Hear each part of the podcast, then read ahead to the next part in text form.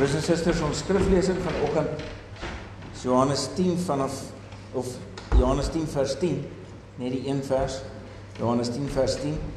Ons gaan ook na een of twee ander verse ook in die woord kyk, maar spesifiek vanoggend Johannes 10 vers 10. Tema is die lewe in oorvloed. Dit is 'n baie bekende vers waar Jesus ook oor homself praat as die goeie herder. En dan vers 10 sê 'n dief kom steel en slag en uitroei.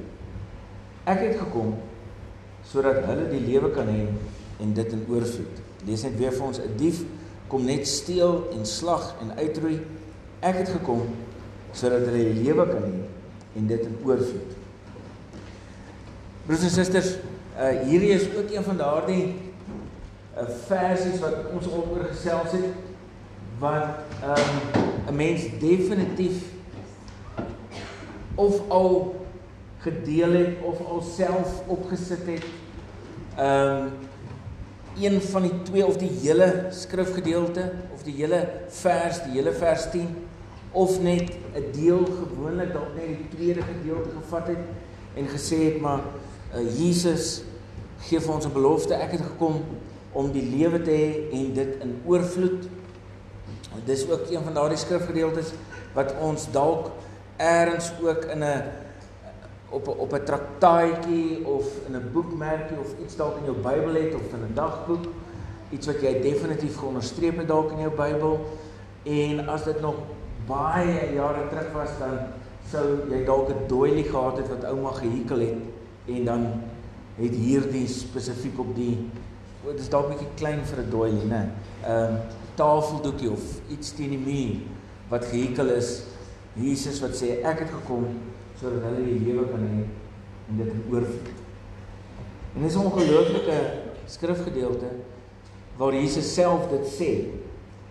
En ek wil graag vanoggend met julle deel die Griekse woord wat gebruik is vir oorvloed is perissos. En die Engels as die toe die Engels dit nou probeer verklaar en vir ons soveel as moontlik inligting gee oor wat hierdie perissos beteken, wat hierdie oorvloed is, is die volgende vertalings: superabundant, superior and beyond measure. Kan dit nie meet nie. Superabundant praat oor die hoeveelheid. Dis net verskriklik baie. Dis meer as wat jy kan hanteer. Superior beteken praat oor die kwaliteit. Dis van die beste gehalte. Hierdie hierdie oorvloed wat hiervan gepraat word, is nie net te veel vir jou om te hê of dis net so net net oor en oor soveel nie in hoeveelheid nie, maar dis ook ongelooflike hoë gehalte. En dan beyond measure. Jy jy kan dit nie meet nie. Jy kan nie sê dis soveel nie. Jy kan net voel dis verskriklik baie. Dit laat my altyd dink pel vir my van hoërskool af bid.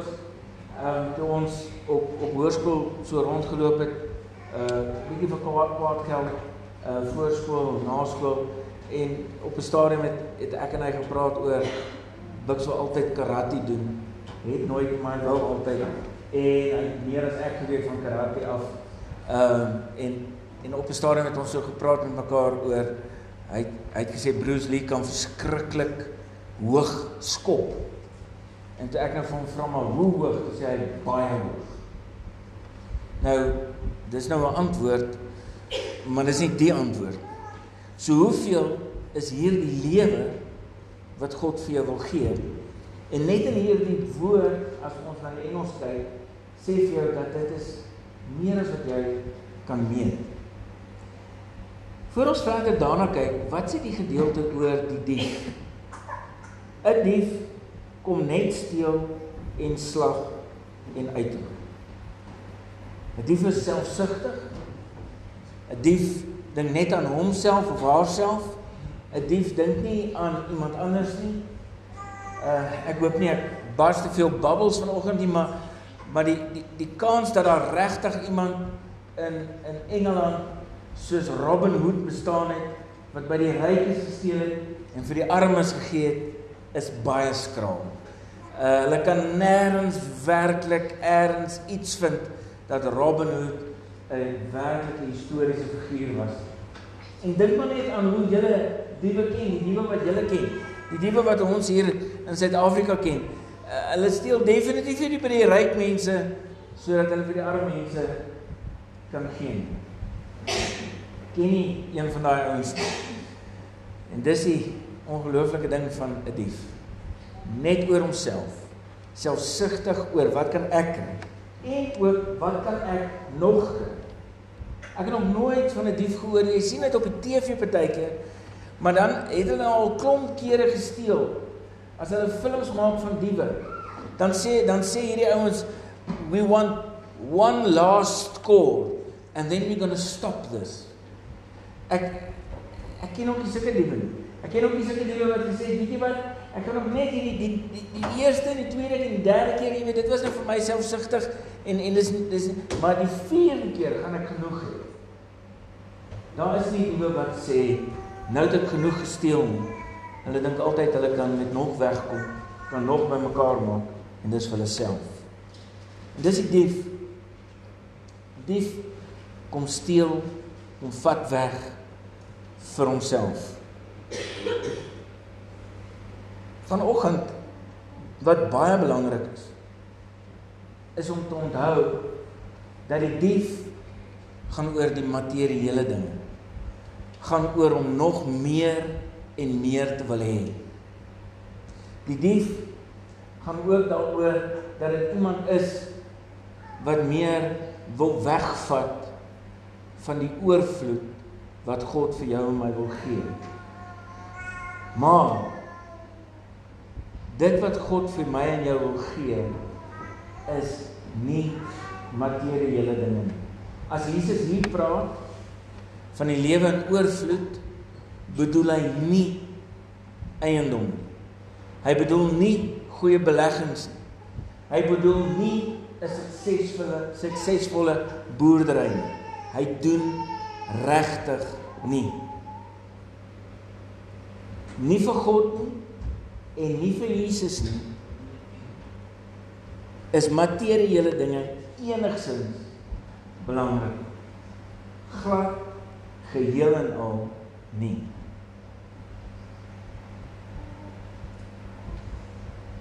Vir God gaan dit nie vir jou en my, gaan dit nie vir hom daaroor hoeveel ek en jy hier bymekaar kan maak. Dit gaan glad nie vir God eers oor hoeveel ek en jy goeie finansiële besluite kan neem of slegte finansiële besluite kan neem. Die enigste lewende God het wel insaag in jou finansiële situasie. Maar hoe goed dit met jou finansiële situasie gaan of hoe sleg dit met jou finansiële situasie gaan, beteken nie of hy jou kan gebruik in sy koninkryk. Wanneer Jesus kom en hy vertel vir ons dat hy het gekom en hy wil 'n ander koninkryk, sy koninkryk hier op aarde waarmaak, dan het dit absoluut niks te doen met die finansiële situasie van sy disippels en die mense wat hom volg nie. Tot die groot skok van meeste van sy disippels, meeste van die mense wat na hom kom luister het, het dit ook glad nie te doen gehad met enige politieke beweging destyds glad Dis nie hoekom hy gekom het nie.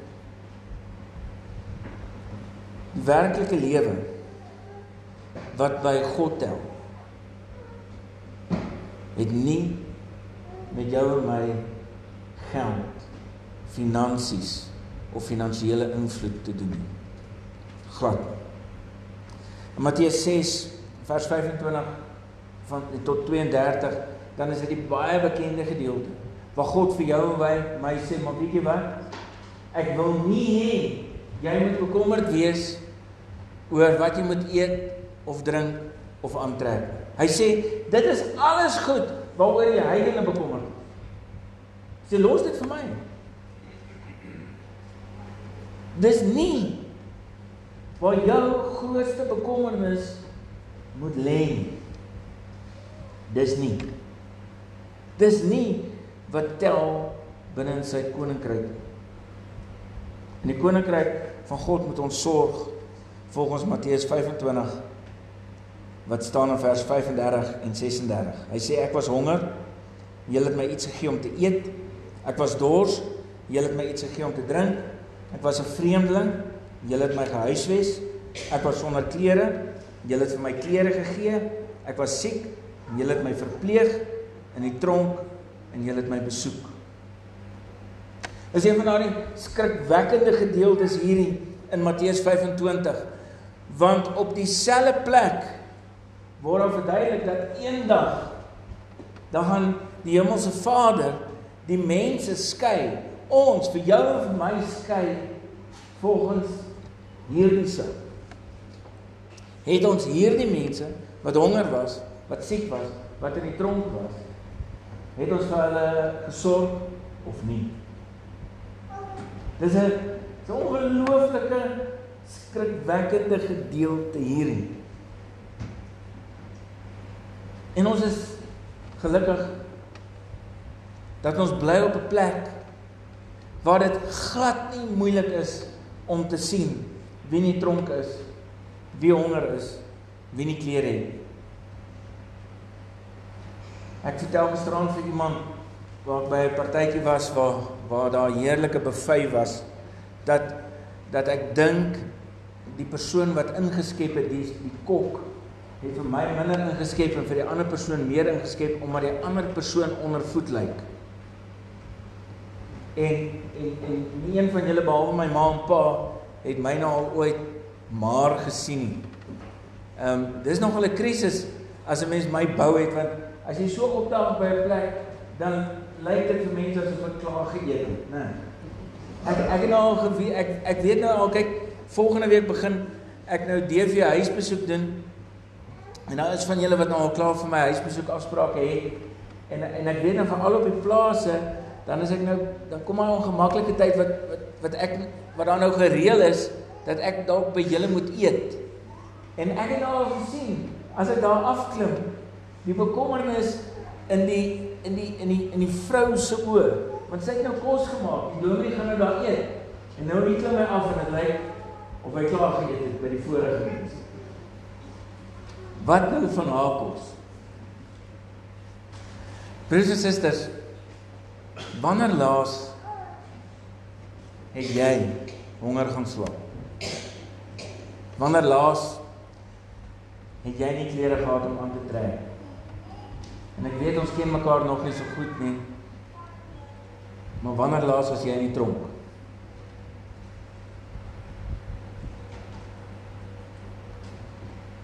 Broers en susters, God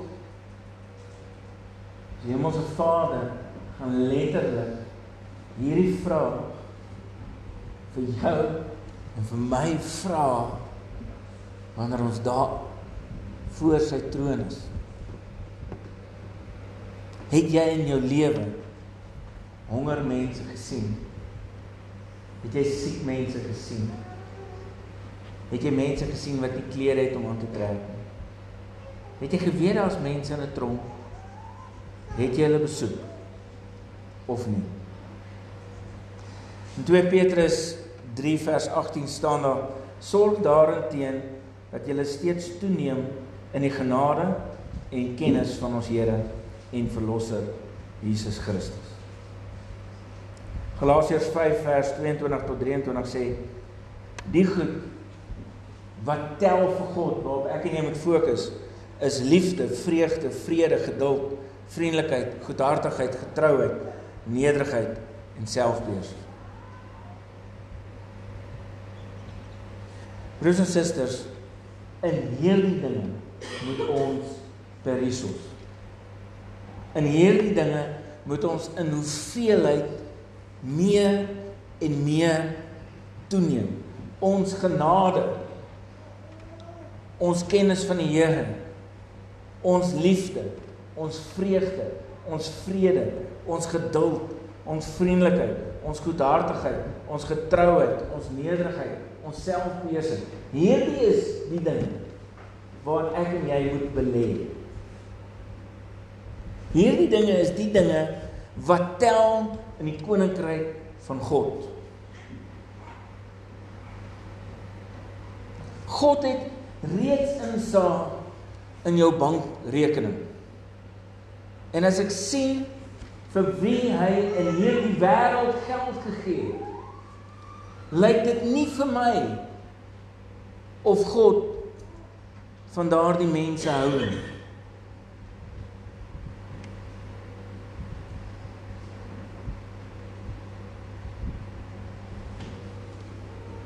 Ek wil weer sê, kyk 'n bietjie op Facebook, Instagram, op die TV. Gaan kyk 'n bietjie dan die mense wat baie geld het. En dan besluit jy of dit lyk of God hulle seën en of God hulle dalk straf.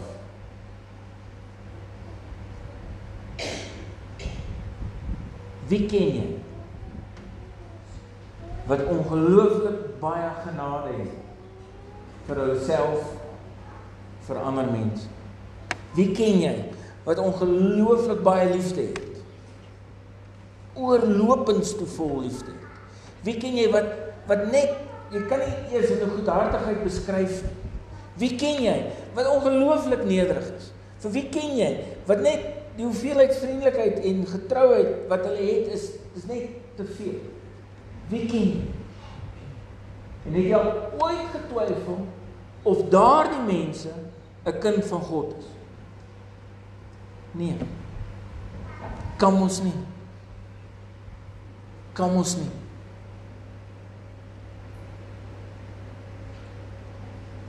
Broers en susters, jy en ek is nie hier om ons eie koninkryk te bou nie.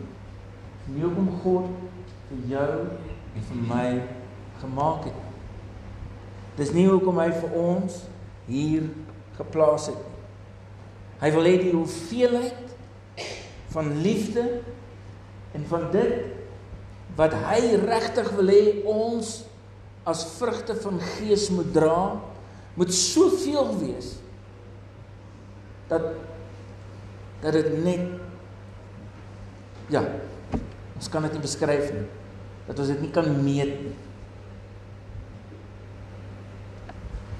So hier is dit. Ek weet min of meer as ons dink aan die situasie in ons land, as ons dink aan die finansiële situasie in ons eie gemeenskap en in die land en in die wêreld, dan lyk dit beroerd. En ons het al vir mekaar gesê dat God het definitief insaag in jou en my finansiële state.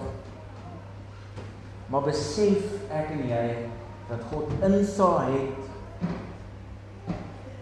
of ek en jy 'n oorvloedige lewe leef wat hy gekom het om voor te sterf. 'n Lewe vol genade en 'n lewe vol van die vrug van die Gees. Ons dink altyd, "Wow, dit sal amazing wees as ons die lotto wen en ja, dit dit sal lekker wees." Ek dink ook mense moet dit net eenmal in jou lewe moet dit gebeur, né, nee, dat 'n mens die lotto wen. Dit dit sal tog interessant wees om te kyk of ek ook 'n hoender word as ek baie geld het. Ek, ek dink dalk vir die eerste week sal ek 'n hoender wees. Daarna dink ek sal ek dalk weer beter word. Ek weet nie. Maar dink jy nie dis tyd dat jy en ek dalk die lotto wil wen en moet wen? In terme van genade vir mekaar en liefde van in vrug van die Gees. Hoe dink jy sal dit jou huwelik, jou gesin, jou vriendekring se lewe verander as hulle agterkom dat jy die vrug van die Gees lotto gewen het? En die lewe wat jy leef is 'n lewe van oorvloed vreugde en vriendelikheid, goedhartigheid, liefde, getrouheid, nederigheid, selfbeheersing. Wat 'n verskil sal dit maak in jou en my lewe? Amen.